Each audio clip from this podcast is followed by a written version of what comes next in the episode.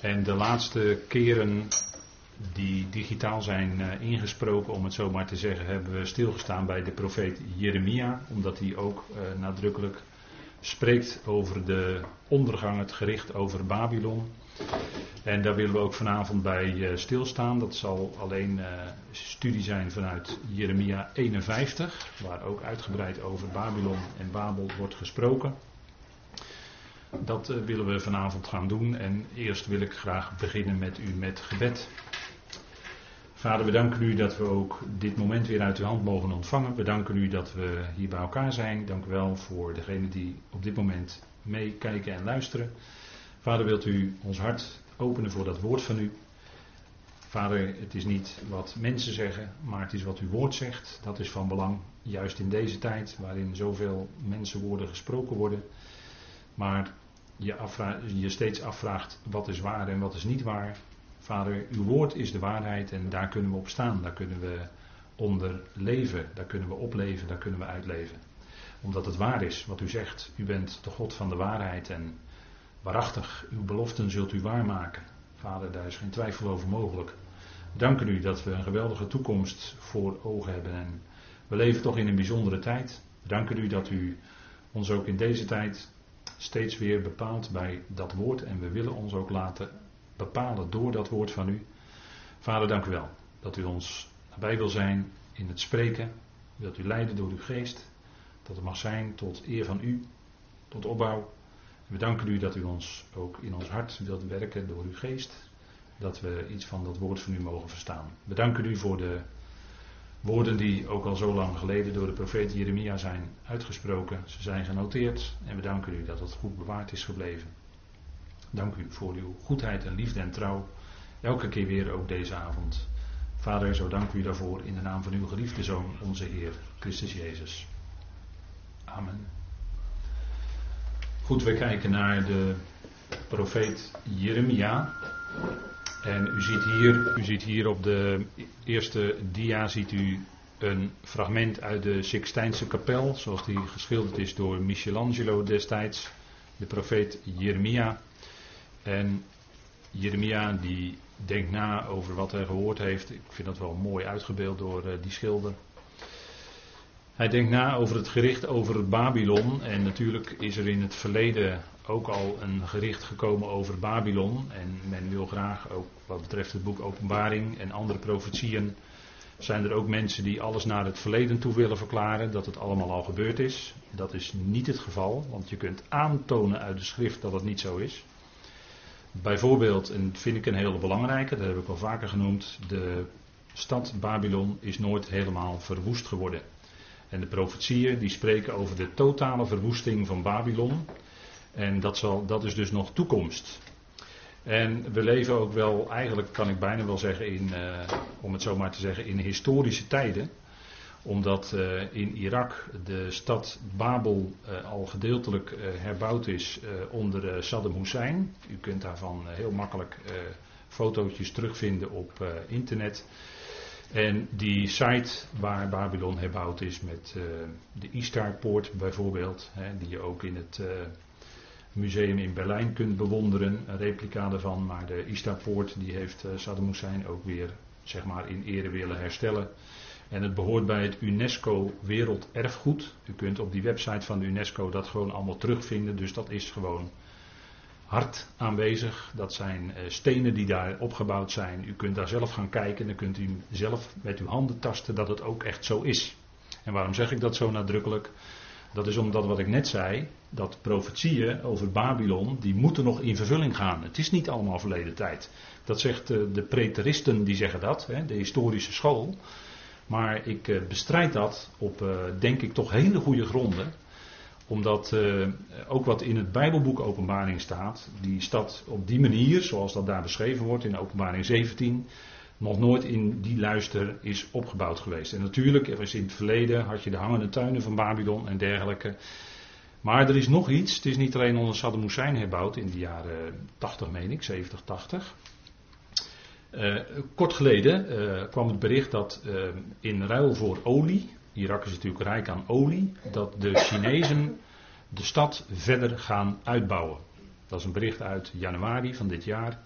En daarmee vind ik dat uh, Bijbelse profetie werkelijkheid gaat worden. En denk erom dat die stad dan tot een wereldstad uitgebouwd zal worden.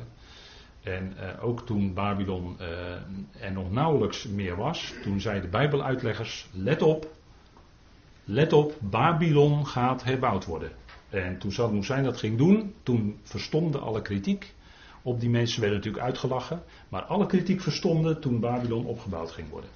Nu ook uh, dat er een staat, een Joodse staat is in dat gebied wat, uh, wat Israël heet. Uh, ook dat werd lange tijd door Bijbeluitleggers, uh, afgelopen honderden jaren werd het al door Bijbeluitleggers gezegd. Er komt weer een Joodse staat. Ze werden natuurlijk door de wetenschappers uitgelachen totdat die Joodse staat kwam. En toen verstomde natuurlijk al dat lachen. He, dat lachen dat verging wel. En zo zijn er natuurlijk talloze dingen. Men zei bijvoorbeeld, ik kan nog wel iets noemen. men zei van ja, de stad Nineveh, dat is, uh, dat is nooit zo geweest hoor. Ja, totdat er een Duitser ging graven en die vond Nineveh. En weer verstonden al het gelach van de wetenschappers. Nineveh had dus wel degelijk bestaan. En dat wil ik toch wel even goed onderstreept hebben vanavond. Dat, uh, kijk, dat wat de schriften zeggen over wat in het verleden gebeurd is, dat is historisch betrouwbaar. Dat blijkt elke keer. Hoe langer men graaft in het Midden-Oosten, hoe meer dat blijkt. En ik kan er nog meer voorbeelden van noemen, maar deze laat ik het even bij voor vanavond. dus ik wil dat even even vastspijkeren hè, voor u. Want ik denk dat dat een belangrijk punt is. Het gericht over Babylon, dat zal dus gaan komen, alhoewel die stad nog verder uitgebouwd moet worden tot de wereldhandelshoofdstad van de eindtijd. En dat kan in best wel snelle tijd gebeuren. En dat gaat komen, en Jeremia, de hoofdstukken 50 en 51, die spreken daarover. Openbaring 18 spreekt daarover. En dat zijn allemaal zaken die uh, nog in vervulling moeten gaan. En uh, Jeremia is daar mee bezig en daar willen we ook vanavond dan naar kijken. Het overzicht van dit hoofdstuk is het gericht over Babylon. Dat is vers 1 tot en met 14, dat is inmiddels al besproken. Dan vers 15 tot en met 19 een lofrede of apologie. Dat is ook al besproken. En vers 20 tot 26, de verwoester zelf verwoest. Hè. Er wordt de verwoesting van Babylon, Babel wordt aangekondigd. En uh, dat is omdat Babylon zelf aan het verwoesten is geweest. Maar die dingen komen dan zeg maar op hun eigen hoofd weer terug. Dus Babylon zal ook zelf verwoest worden. Dan wordt in vers 27 tot 33, en daar komen we vanavond dan binnen in vers 28, de internationale strijd tegen Babylon. En dat zal in de eindtijd ook zo zijn. En dan de verlossing uit Babel voor degene die daar van het Joodse volk in zijn. Geloof in Babels einde. En 59 tot 64 de laatste symbolische handeling. Maar daar komen we vanavond niet aan toe. En dan in vers 28 van Jeremia 51 lezen we. Heiligt tegen haar de natieën met de koning van Medië diens onderkoning en al diens hoge ambtenaren en elk land waarover het regeert. En de oude Meden, hè, eh, destijds werd uh, Babel uh, onder de voet gelopen, althans veroverd door de Meden en de Persen. Toen Belshazzar feest vierde met tempelgerij en het handschrift op de muur kwam, u weet wel, mene mene tekel oefersin, gewogen, gewogen, te licht bevonden. En de Meden en de Persen kwamen en uh, men denkt, en misschien is dat ook wel heel reëel om dat te vermoeden, dat de oude meden, en u ziet daar op het bovenste kaartje uh, het woord medie ook staan, vlak boven Susa, daar lag het destijds. En het onderste kaartje, dat, daar ziet u het gebied wat de Koerden menen, wat eigenlijk Koerdistan zou moeten zijn. En uh, daarom denkt men wel eens dat de oude meden de Koerden van tegenwoordig zijn. En dat zou heel goed kunnen, dat is heel goed mogelijk. En de internationale strijd tegen Babylon, dat is dus het stukje waar we nu instappen vanavond. Vers 27 tot en met 33. En daarover wordt ook gesproken in uh, Jezaja 13 vers 17. Er worden ook de meden genoemd. Jezaja 21 vers 2 worden ze ook genoemd. En Daniel 8 vers 20 en 9 vers 1. Daar wordt er ook over gesproken. Nou, dat laat ik even. Ik geef dat erbij als uh, verwijsmateriaal voor uzelf om dat thuis te, na te lezen. Maar het voert te ver om vanavond al die teksten te gaan lezen. Maar in ieder geval, ehm, de Heer die zegt heiligt tegen haar de natieën. Dus die natieën, heiligen in de Bijbel is apart zetten voor de dienst aan God. Heiligt tegen haar de natieën. Dat wil dus zeggen dat uh, omringende volkeren, natieën, die worden uh, apart gezet om op te gaan trekken tegen Babel en Babel te gaan veroveren. Dat is natuurlijk in het verleden al gebeurd, maar ook in de toekomst, in de nabije toekomst, uh, zal dat gebeuren. En uh, wat betreft het boek Openbaring, daar wil ik ook wel bij zeggen, waar we, waar we in feite uitgestapt zijn vanuit hoofdstuk 18, en daar komen we dan te zijner tijd weer bij terug. Maar het boek Openbaring is een Joods boek. Uh, er zijn nogal wat uitleggers die willen graag dingen uit de tijd van genade van de gemeente graag lezen in het boek Openbaring. Maar ik vind het altijd erg precair, omdat het boek Openbaring uh, helemaal spreekt over de verlossing van Israël en van de volkeren, van de, de, de, politieke en de religieuze verlossing van deze aarde. Waarbij ook natuurlijk een geestelijke dimensie heel nadrukkelijk aanwezig is. Er wordt gesproken over de draak. Hè, in openbaring 13 hebben we dat gezien, dat de hele wereld zal de draak, dat wil zeggen de tegenstander, de Satan, aanbidden. Via het beest, wat zal gaan regeren, de wetteloze. De wereldleider van de eindtijd, die zal men moeten aanbidden en dat wordt straks verplicht opgelegd. En die moet men aanbidden en doet men het niet, dan heeft dat de doodstraf tot gevolg. En in, de, in het aanbidden van het beest, hè, dat staat ook in openbaring 13, daarin aanbidt men de draak, oftewel de tegenstander zoals die in de eindtijd genoemd wordt. Maar die verlossing, die politieke en religieuze verlossing van deze aarde, dat begint bij Israël. En heel veel aspecten die in openbaring genoemd worden, die hebben gewoon te maken met het volk Israël. Ik noem een voorbeeld. De 144.000, dat de Jovas getuigen hebben zich dat als het ware toegeëigend. Maar dat is ten onrechte, want in openbaring 7 en in openbaring 14 wordt gemeld dat het gaat om 144.000 uit het volk Israël en precies 12.000 uit die 12 stammen die daar genoemd worden. Daar kan geen enkel misverstand over bestaan als je het gewoon letterlijk neemt zoals het er staat. En daar moet je altijd mee beginnen met de Bijbel. Tenzij het echt niet kan, dan is het beeldspraak. Maar je moet het altijd eerst letterlijk nemen. Kan dat niet, maar met die 144.000, daar gaat het om letterlijk 144.000 uit Israël. 12.000 uit elke stam. Er is geen enkel misverstand mogelijk. Ik noem er nog een andere dwarsstraat. Openbaring 4 begint met dat Johannes opgetrokken werd in de hemel en er was een geopende deur. Daarin willen uitleggers lezen de opname van de gemeente. Maar sorry, ik lees het daar niet. Ik lees het daar niet in. Dan moet je er echt in leggen. Vind ik. dat dat, dat wat daar gebeurde, dat had wel een symbolische betekenis, maar niet de opname van de gemeente. Ik vind dat je dat daar niet in mag lezen. Dat, dat, dat geeft geen aanleiding. Dan openbaring 2 en 3, dan gaat het over zeven gemeentes. Nou, er is bekend dat in die tijd waarin Johannes dat schreef, er in diverse plaatsen die daar genoemd worden, geen gemeente was. Geen christelijke gemeente.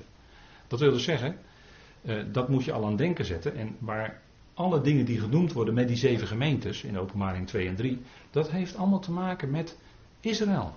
Daar zullen in Azië of in het tegenwoordige Aziatische Turkije zullen zeven gemeentes zijn. In die plaatsen zeven joden-christelijke gemeentes. Hebben we allemaal gezien met, met de, de bespreking van die hoofdstukken. Dus, en, en dat geldt voor heel veel zaken in openbaring. Het is ten ene een Joods boek. Tenzij blijkt dat het over volkeren gaat. Zoals in openbaring 17 het gaat over uh, wateren. En er wordt, wordt, er in de uitleg bij gezegd dat die wateren die je gezien hebt, dat zijn vele natieën, talen en, en, enzovoort. En dan heb je vrijmoedigheid om te zeggen, kijk hier gaat het over al die volkeren van de wereld, over al die natieën en talen en dergelijke.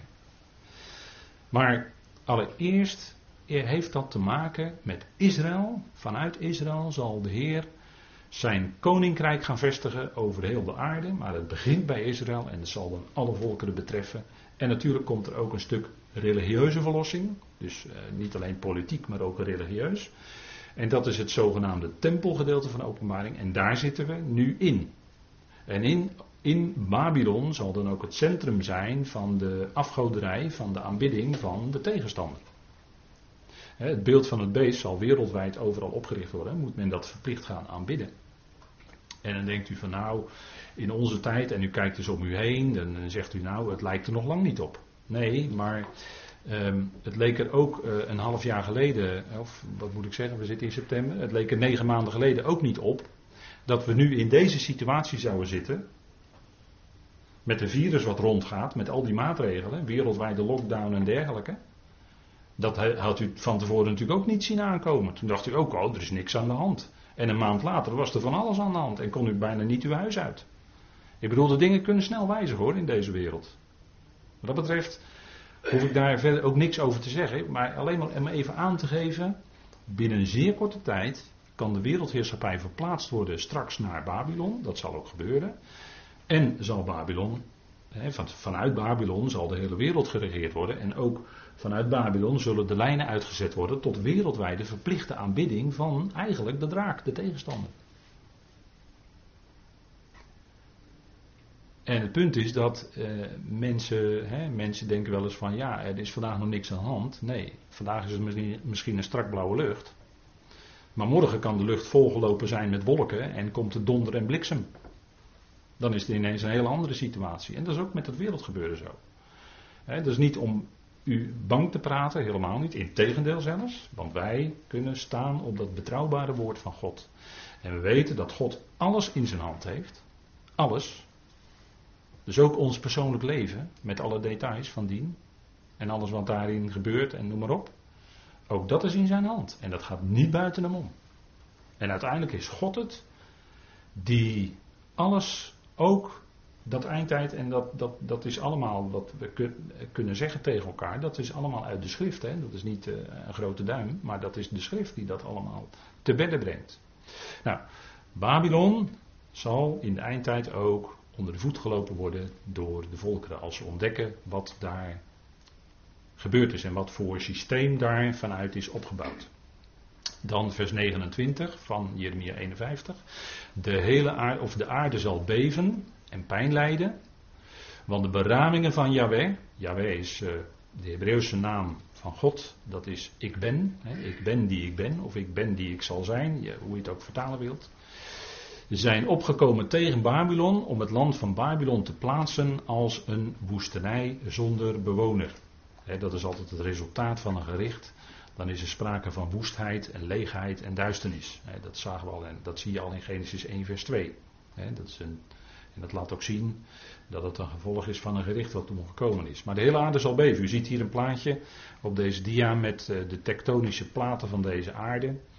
En u ziet ook dat daar eh, in, eh, vanuit naar beneden toe naar boven, naar Afrika, loopt zo, zo'n lijn. Hè, dat zijn de zogenaamde breuklijnen tussen die tektonische platen. En soms schuift, als er een grote aardbeving plaatsvindt, dan schuiven die platen zo schok, even een schok zo over elkaar. Dat levert dan een enorme aardbeving op. En dat is ook zo voorzegd dat het zal gebeuren. En dan zal ook grote consequenties hebben voor de olijfberg die zal splijten. dat is eh, wat men ook wel noemt de Syrisch-Afrikaanse slenk. dus die breuklijn die loopt zo naar boven toe.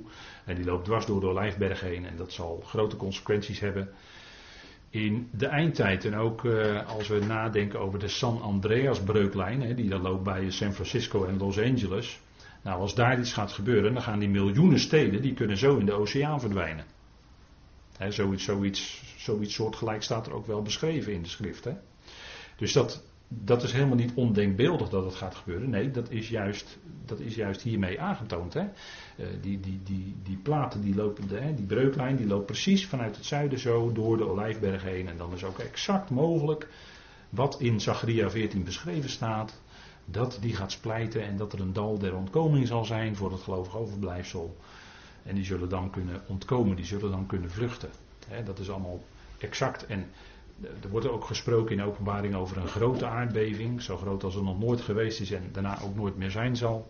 Nou, dat zal natuurlijk wereldwijd enorme consequenties hebben. Dat zal ook uh, enorm veel levens gaan kosten. Helaas, maar dat, het is, dat is wat beschreven staat en dat is wat vaak helaas met aardbevingen gebeurt. En Babylon uh, zal de beramingen van Jaweh, let op wat er staat, de beramingen van Jaweh. Dus wat Jaweh heeft gedachten tegen Babylon vanwege die afgoderij, vanwege dat wat tegen hem ingaat. De beramingen van Jahweh zijn opgekomen tegen Babylon om het land van Babylon te plaatsen als een woestenij. En zo zal het ook zijn. Zo zal het ook zijn.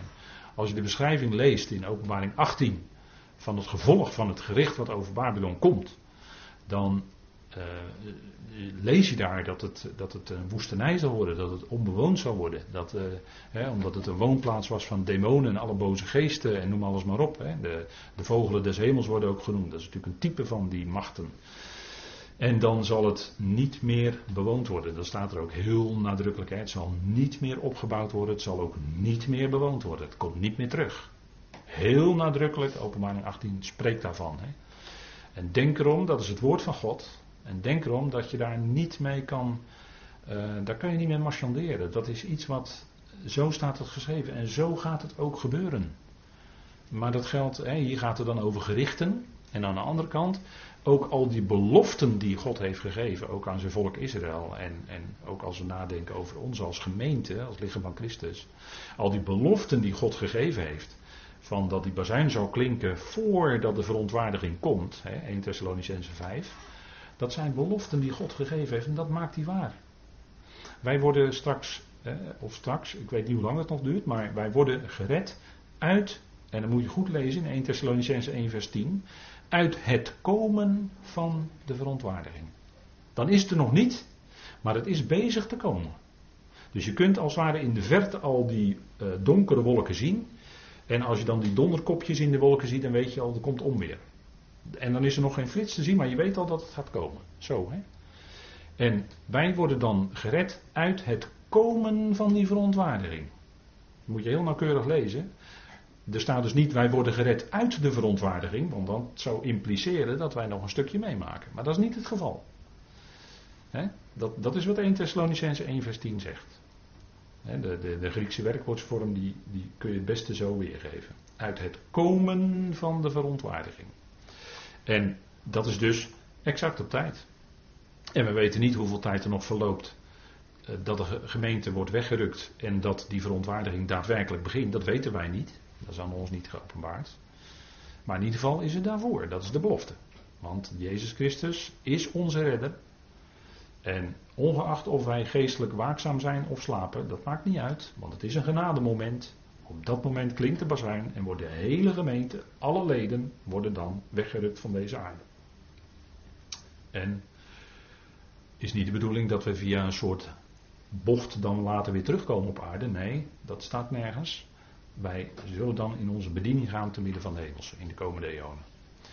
Nou, Babylon zal worden tot een woestenij, tot woestheid en leegheid en voor mijn part ook duisternis, zonder bewoner. Effect van het gericht van God. Hè? En u ziet daar de verwijzingen bij, openbaring 18 vers 2. En ik wil daar toch dan even enkele versen van lezen met u.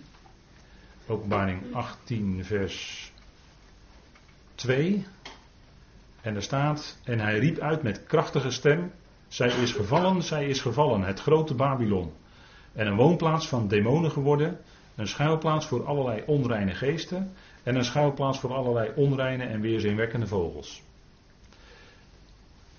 vers 16. En zeggen, wee, wee de grote stad, die bekleed was met fijn linnen, purper en scharlaken, en getooid met goud, edelgesteente en parels. Want in één uur is die grote rijkdom verwoest. Dus het zal heel snel gaan, in één uur tijds. En ze wierpen stof, vers 19, zij wierpen stof op hun hoofd en riepen huilend en treurend, wee wee de grote stad, waarin allen die schepen op zee hadden rijk zijn geworden door haar weelde, want in één uur is zij verwoest.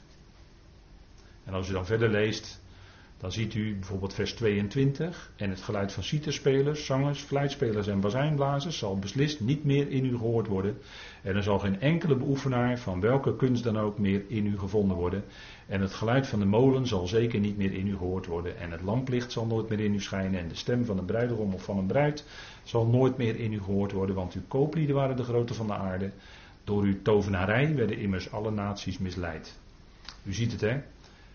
Het nadrukkelijke nooit meer. Of beslist niet meer. Dus die stad zal ontvolkt worden. Dat is een verwoesting die, die definitief is en die blijvend is. Dus het ontzettend, hè, het gericht over Babel. Goed, we gaan verder naar vers 30.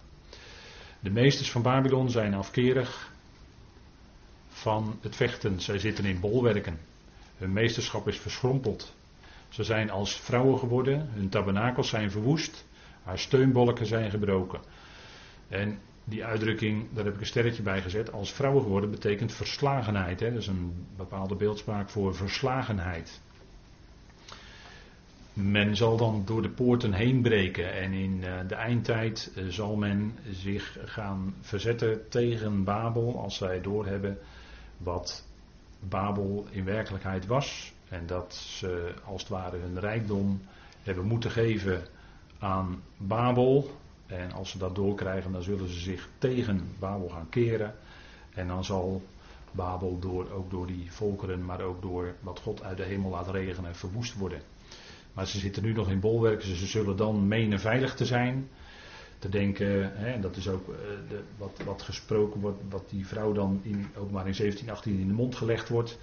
Dat ze denkt van ik zit hier zeker, ik zit hier veilig, ik zit hier op mijn wilde, op mijn rijkdom, ik heb de wereldmacht in handen. Enzovoort, hè, omdat ik uh, bijzonder rijk ben en ik bezit eigenlijk uh, alle, alle instrumenten om die wereld wel of niet van rijkdom of goud of geld te voorzien. Ik heb alle touwtjes dat betreft in handen, dus ze denkt dat ze heel zeker zit. Nou, hier wordt gesproken over de meesters van Babylon, die zitten in hun bolwerken. En de foto, dat is zo'n letterbolwerk dat vroeger gebouwd werd.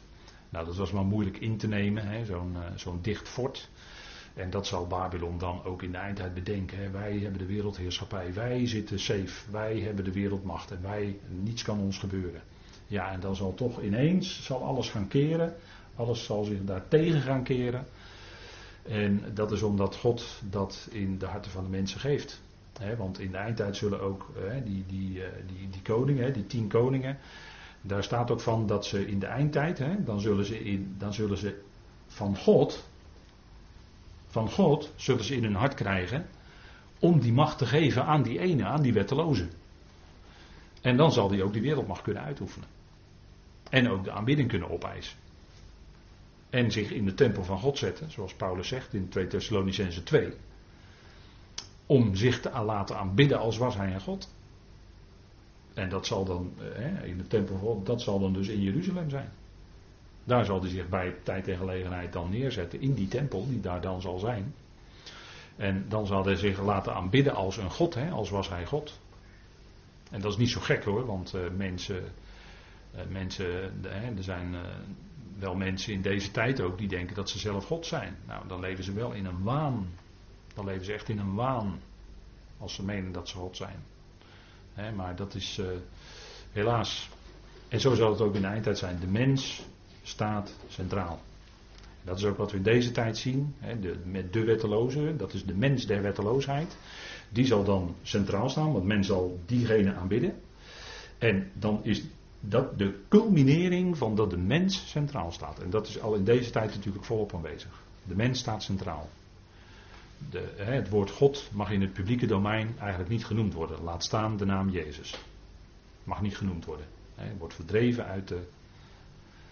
De mens staat centraal. En uh, het, is, het, is, in feite, als, je, als je ook uh, opmerkzaam bent hoe, hoe, het, hoe het gaat in, uh, laat maar zeggen, medialand dan is daar toch sprake van een, laat ik het maar voorzichtig even zeggen, een stukje, ja, steeds meer dingen worden, worden weggehaald, worden weggeschoven uit, uit de media. En dan vraag je wel eens af, eh, ja, hoe staat het eigenlijk met een, stukje vrijheid dan? Om te zeggen wat jouw mening is. En dan kun je je mening nog zo goed onderbouwen. Hoe, hoe vrij is dat dan nog in deze tijd, hè, vraag je je dan af. Nou, dat, dat zijn allemaal stapjes natuurlijk die gezet worden richting de eindtijd, die, die heel dichtbij is. En, en waarin echt het zal zijn, als je openbaring 13 leest, daar baseer ik me dan op, dat zal echt volkomen dictatuur zijn. En ik zeg dan altijd op communistische leest geschoeid.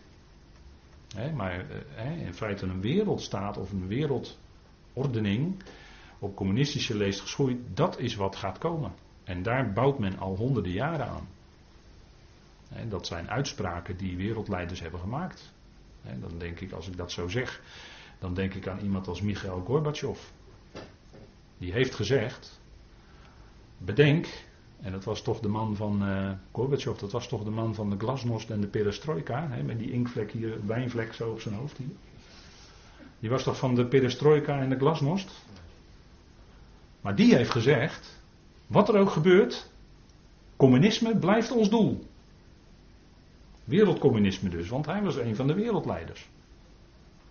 Dus denk erom dat men heel goed weet waar men mee bezig is om die stapjes dus te zetten. Nou, uiteindelijk waar openbaring 13 dan over spreekt, daar zitten we nog niet in. Zeker niet, maar daar gaat het wel stapje voor stapje naartoe. Een globale wereld waar alles centraal wordt geregeld, waar alles centraal wordt gestuurd. Daar gaat het toch echt naartoe. en dat, dat, dat noemen wereldleiders, noemen dat de New World Order. Ik hoor het Bush senior nog zeggen in zijn toespraak in 1990, vlak na de val van de muur. Toen hield hij een toespraak waarin hij het woord New World Order wel zeker tien keer gebruikt heeft. Dus ik baseer me op uitspraken van wereldleiders. Hè? En dat is natuurlijk bezig wat, wat gaat komen. En Babylon zal de centrale hoofdstad zijn van dat wereldrijk. En, en dat is waar we nu natuurlijk naartoe gaan. En, en wat, wat een enorme genade. Dat is niet een zelfbedacht iets of zo. Maar wat een enorme genade dat God ons dan als leden van het lichaam van Christus voor die tijd wegneemt. Dat is, dat is alleen maar genade. Dan denk je van waar heb ik dat aan verdiend? Nou, nee, ik zou het niet weten. Integendeel zelfs. Maar dat is genade. En, en dat, dat, dat dan het gericht van God daarop moet komen, omdat men de tegenstander van God gaat aanbidden, ja, daar moet natuurlijk het gericht van God op komen. En, en dat zal ook gaan komen, want dat is voorzegd, dat is staat beschreven. Nou, dus dat wordt verwoest, hè? daar wordt hier ook in, in Jeremia dus over gesproken. En dan gaan de boodschappers, en dat is misschien in die tijd zo gebeurd, eh, hoe het dan in de eindtijd precies zal zijn, dat weten we natuurlijk niet. Maar hier staat de renner rent om renner te ontmoeten. Wordt drie keer hetzelfde Hebreeuwse woord gebruikt. En boodschapdrager om boodschapdrager te ontmoeten. Om de koning van Babylon te vertellen dat zijn stad vanaf einde tot einde ingenomen is. En kennelijk was dat, misschien is dat een moment geweest in het verleden. Dat men dat heeft bericht aan de toenmalige koning van Babylon. Maar in de toekomst zal er natuurlijk ook weer een koning van Babylon zijn. Dat is die, als u het mij vraagt, die wetteloze. En die wordt ook bedoeld in Jezaja 13 en 14. Die koning van Babylon, waar het daarover gaat. Dat is een man, dat staat er ook. Dat staat er ook met zoveel woorden. Dat hebben we ook gezien. Maar het zal aan hem verteld worden. En destijds ging het natuurlijk veel langzamer met uh, te paard of te kameel in die uh, Oosterse omgeving. En tegenwoordig, het plaatje van de laptop en de smartphone. Binnen een seconde kan een bericht wereldwijd bekend zijn hè, tegenwoordig. Zo snel gaat dat. En uh, dat zal natuurlijk dan ook wereldwijd heel snel rondgaan. En daarom is ook wereldwijd te zien als bijvoorbeeld die twee getuigen, als die gedood worden in Jeruzalem.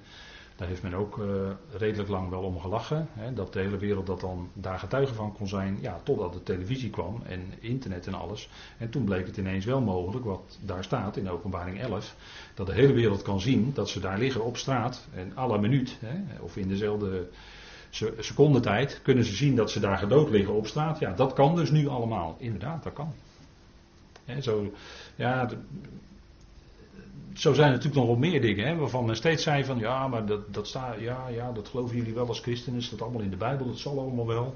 Maar uh, zo van, ik zie er nog niks van. Ja, maar er zijn al een heleboel dingen, die zijn er allemaal al ingevuld. En wat we nu in de, in de wereld waarin we nu leven, is het allemaal gewoon mogelijk. En die stemmen die voorheen kritisch waren en lacherig, die zijn ook allemaal verstomd hoor, die horen we niet meer maar uh, het punt is dat, dat, uh, dat, dat, als je Gods woord serieus neemt, dan, uh, dan ben je wel bij, dan ben je wel uit, dan kom je wel uit bij de waarheid. Dat is wel de waarheid. En eh, ja, er is tegenwoordig in, in onze tijd is er zoveel, komen er zoveel berichten op ons af. Het is maar moeilijk om vast te stellen wat is waar en wat is niet waar. En niets is wat het lijkt, inderdaad. Daar ben ik het mee eens hoor. In de, in de wereld, als je zo kijkt en alles wat die berichten uit de media die op je afkomen, niets is wat het lijkt. Echt. En het punt is dat dat zal allemaal ondergaan. Hè. We, hè, iemand heeft ooit wel eens gezegd dat, ehm, dat, en dat is al een oudere uitspraak hoor, die dateert al van, uh, van ehm, nou, tientallen jaren terug. De leugen regeert. Werd er al tientallen jaren geleden gezegd. En na die tijd denk ik niet dat het veel beter is geworden. Ik denk eerder dat het, dat het, dat het nog veel meer waar is, die uitspraak. De leugen regeert. Dat is echt hoor. Vers 32. De doorwaadbare plaatsen zijn in bezit genomen. Ze hebben de rietvelden met vuur verbrand. En de mannen van de oorlog zijn in paniek. dat was uh, wat gebeurt. dat doet men wel eens als aanvalstactiek om de zaak in brand te steken. de stad Babylon werd belaagd, omgeving werd platgebrand. En dat was ook een bepaalde tactiek. al die branden dan om zo'n stad heen. Dat was ook een bepaalde tactiek om de mensen angst te bezorgen. En dan praat ik ineens, als ik dit zou zeggen, praat ik ineens weer heel erg actueel. Want de berichten die mensen krijgen, of het nou hierover is, of daarover, of daarover, is allemaal om de mensen angstig te maken.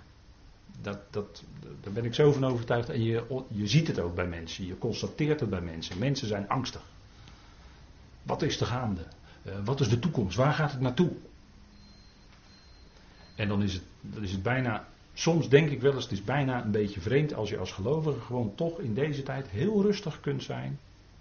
In vertrouwen op de Heer. Hij zal het uitwerken naar zijn plan.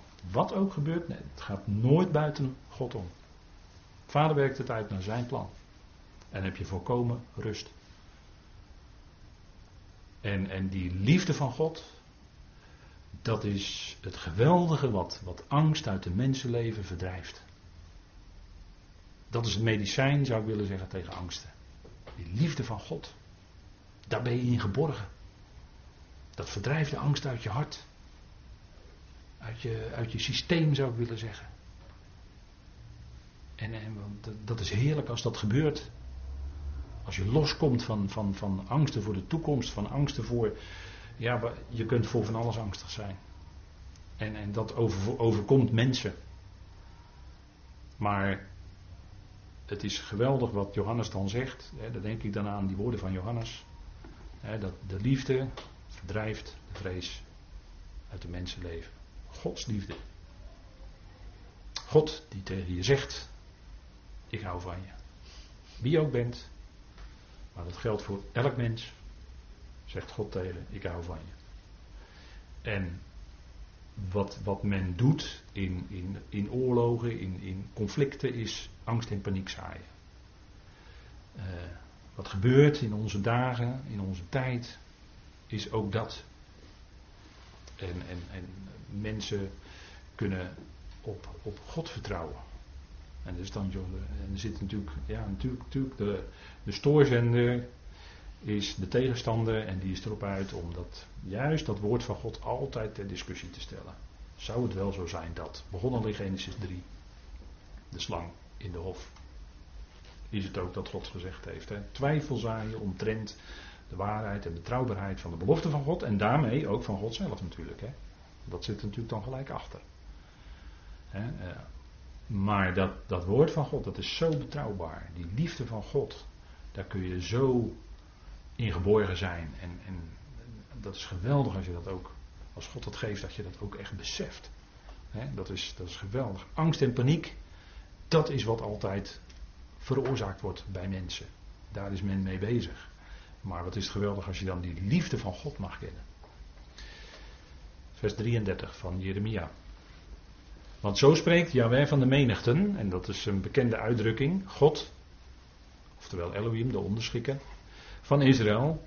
De dochter van Babylon is als een dosvloer in de tijd van het vertrappen. Binnenkort komt de oogsttijd tot haar. En een dosvloer, of eerst Jaweh van de menigten, dat komt maar liefst 32 keer voor in Jeremia. Dat is Jaweh Zebaot, hè, dat, dat weet u wel, Jaweh Zebaot in het Hebreeuws. Maar dat betekent Jaweh van de menigten, dat wil zeggen, al die menigten heeft Jaweh tot zijn beschikking. Of het nu menigten zijn van soldaten van uh, landen, of het nu onzichtbare boodschappers zijn, voor ons onzichtbaar. Hè, wat Geazi op een gegeven moment ineens kon zien. Maar of dat nou onzichtbare boodschappers zijn, die staan hem ook ter beschikking. Yahweh van de menigten. En hij komt in Zacharia ook hè, als Yahweh, dat is dan de Heer, als Yahweh van de menigten. En dan komt hij om zijn volk te verlossen van de vijanden. Hè, dat, is, uh, dat heeft men wel eens gezegd, dat is dan de Heer in zijn oorlogsgestalte. Nou, dat is misschien een beetje een merkwaardige uitdrukking. Maar het is wel degene die dan verlossing en bevrijding van de vijanden gaat geven. Hè, en dat is denk ik bijzonder. Dat God het doet. Jawel van de menigten. Komt maar liefst 32 keer voor hè, in Jeremia. En de dochter van Babylon is als een dorsvloer. En een dorsvloer in de Bijbel is een beeld van gericht. De dorsvloer die we hebben gezien. Kort geleden nog werd daar iets over gezegd. En dat ging over de dorsvloer bij de aankondiging van de geboorte van Simpson, als ik het goed heb. Maar ik meen dat ook Gideon, Gideon was ook bij een dorsvloer en dat was ook een richter die Israël ging verlossen. En dan hebben we natuurlijk de dorsvloer van Arauna, hè, wat men zegt dat het nu de, de vleugel is op de, de tempelberg. Maar Jeruzalem is zoveel keer verwoest, dus daar ligt een gigantische laag puin op inmiddels. Dus dat is uh, wel een stuk hoger geworden door al die uh, lagen van verwoesting heen. Maar men denkt, men gaat ervan uit dat die dorsvloer van Ornan of Arauna, hangt er even vanaf waar je het leest, waar David bij betrokken was, dat was een plaats van gericht, want David wilde het volk gaan tellen. En dat was niet de bedoeling. En toen kon hij kiezen. En toen koos hij voor de boodschapper van de Heer. En toen werden er zoveel gedood. Dat was een gericht. Maar dat ging om die dorsvloer. Dorsvloer is in de Bijbel een type van, of een beeld van gericht. Want daar gaan de ossen overheen, over het, uh, over het koren of over de tarwe of wat dan ook of over de gerst. En dan uh, moet het graan gedorst worden, dus die moeten daar oplopen en dan moeten die graankorrels eruit. Dus dat is ook oogsttijd. Maar je kunt het natuurlijk ook doen met een dorstvlegel. Hè. Dan moet je erop slaan. Dan wordt het graan dus geslagen. Beeld van gericht. En dan moeten die korrels moeten daaruit. En dat is ook wat de Heer zegt in uh, Matthäus, meen ik, Matthäus 3, als ik het uit mijn hoofd goed zeg. Dan zegt hij ook dat de wan, de wan, dat heeft ook met dorsten te maken. De wan is in zijn hand. Dus met andere woorden, voordat hij zijn koninkrijk gaat vestigen, moet er eerst nog een punt van gericht komen. En dat gaat komen. En dan is het ook oogsttijd. En ik heb er al eerder op gewezen, ook in Matthäus 13, daar gaat het over de oogsttijd. En de oogst, zegt Matthäus 13, zegt de Heer, de akker is de wereld. En dan gaat er geoogst worden. Dat wil zeggen, dat is het einde van deze aion. Einde van dit tijdperk. En daar zitten we heel dichtbij. Deze boze aion, die gaat binnenkort eindigen. En dan gaat de Heer gericht houden. Dan gaat hij dorsen. En dan is het ook, en als dat gaat gebeuren, dan doet de Heer dat snel, want het is eigenlijk zijn vreemde werk. Maar dan doet hij het snel, maar wel zo grondig. Zoals dat moet gebeuren, want er is zoveel op zijn kop gezet in deze wereld. Dat gaat, dat gaat heel wat inspanning kosten om dat allemaal weer recht te zetten. En dat gaat de Messias, als die gaat komen, Jezus Christus, gaat dat ook doen. Dan gaat hij alles wat omgekeerd is, gaat hij weer herstellen, gaat hij rechtzetten. Dat is ook gerechtigheid. Dat is gerechtigheid doen. Hè? En dan gaat de Heer dat allemaal rechtzetten. Hij zal ook het recht voortbrengen, zegt Jezaja. En dan gaat hij dat, dat rechte en gaat die gerechtigheid gaat dan uitgaan, zal dan uitgaan vanuit Sion en vanuit Jeruzalem over de hele wereld. Dan zal de Heer gerechtigheid doen. Wat zal hij dan doen? Hij zal dan datgene geven wat die volkeren nodig hebben. Dat is gerechtigheid. Toen uh, Simon Wiesenthal werd gevraagd waarom hij zo bezig was op die naties te jagen, toen zei hij dat doe ik vanwege de gerechtigheid. Want ze veronderstelden dat hij dan zou zeggen dat doe ik om wraak te nemen. Maar hij zegt nee, het is niet om wraak te nemen. Hij zegt dat doe ik om gerechtigheid. En, en hoe langer ik over die uitspraak van Wiesenthal nadenk, hoe meer ik dat ga begrijpen, denk ik, wat hij daarmee bedoelde. maar eh, de Heer zal gerechtigheid doen. en, en als we het hebben over persoonlijke zaken, als het gaat over personen, dan uh, zal bij de grote witte troon, dat is nog wat komt in openbaring, hè, openbaring 20, dat is het eindgericht, na de duizend jaren. Dan bij de grote witte troon zal de Heer rechtvaardig richten. Maar dan zal Hij rechtvaardig richten. En dat betekent niet dat Hij de mensen voor eeuwig gaat verdoemen. Maar dat betekent dat de mensen dan gericht worden naar hun werken. En dat zal hij doen op een rechtvaardige wijze. Vanuit zijn liefde, want dat zit er altijd achter. En er zullen alle werken die iemand in zijn leven gedaan heeft aan de orde komen. En daarna volgt dan voor diegene de tweede dood. Maar in de tweede dood is geen bewustzijn. In de poel des vuurs is geen sprake van pijniging als het gaat om mensen. In de poel des vuurs is geen sprake van pijniging als het gaat om mensen, want ze zijn daarin dood. Het is namelijk de tweede dood. Zo noemt de schrift dat. En die tweede dood is nodig om van de mens kwijt te raken wat hij in zichzelf is. Niet wat hij gedaan heeft, maar wat hij is. Dat gaat dus nog een stap dieper. En in die tweede dood zal die mens dat dan kwijtraken. Tot het moment dat God levend maakt. En in die levendmaking zal dan ook Gods liefde en ook zijn gerechtigheid blijken. Blijken. Want hij gaat dan iedereen levend maken, iedereen onsterfelijkheid geven. Maar u hoort het, dat is na het gericht, hè? Na het gericht. En dan is het eindeloze heerlijkheid voor iedereen. Alle mensen. Ja, dat zegt de schrift. En daar kun je wel op aan. En dat zullen we gaan zien als het zover is. En dan zullen we juichen met al die anderen. Ja, dat is natuurlijk een geweldig, wat een geweldig toekomstperspectief hè, geeft de schrift ons. Dat God werkelijk de redder is van alle mensen. Er is geen twijfel over, dat staat er. Dat is gewoon een mededeling aan ons. dat, daar valt niet over te discussiëren. Ik kan zeggen, ja, daar ben ik het helemaal niet mee eens. Kunt u zeggen. Maar het is gewoon een mededeling. God is de redder van alle mensen. En blijkt in, in, de, in Tenach blijkt dat al aan alle kanten. God is redder. Dat is luid en duidelijk ook de boodschap van Tenach. En dat is wat komen. En dit gericht is ook een stap, hè, want gerichten in Gods woord. We praten nu al meerdere keren over het gericht over Babylon. Omdat het een heel ernstige zaak is en dat het eigenlijk het grootste is in Gods plan van Eonen het gericht over Babylon, maar het gericht is bij God nooit een doel in zichzelf. Maar een gericht is altijd tot correctie. Is altijd nodig en is correctief. En dat is dat, dat, die notitie omtrent gericht en Gods rechtvaardigheid, dat is in, in, in, in, de loop van de eeuwen zo verloren gegaan, dat is zo ondergesneeuwd geraakt onder allerlei beleidenisgeschriften. Jammer, heel jammer. Maar des te meer genade, denk ik dan vaak, is ons geschonken dat wij het zo mogen zien met elkaar. Dat wij het zo mogen verstaan.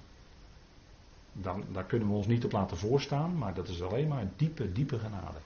Dat maakt ons, als het goed is, tot ootmoedige mensen. Wie zijn wij?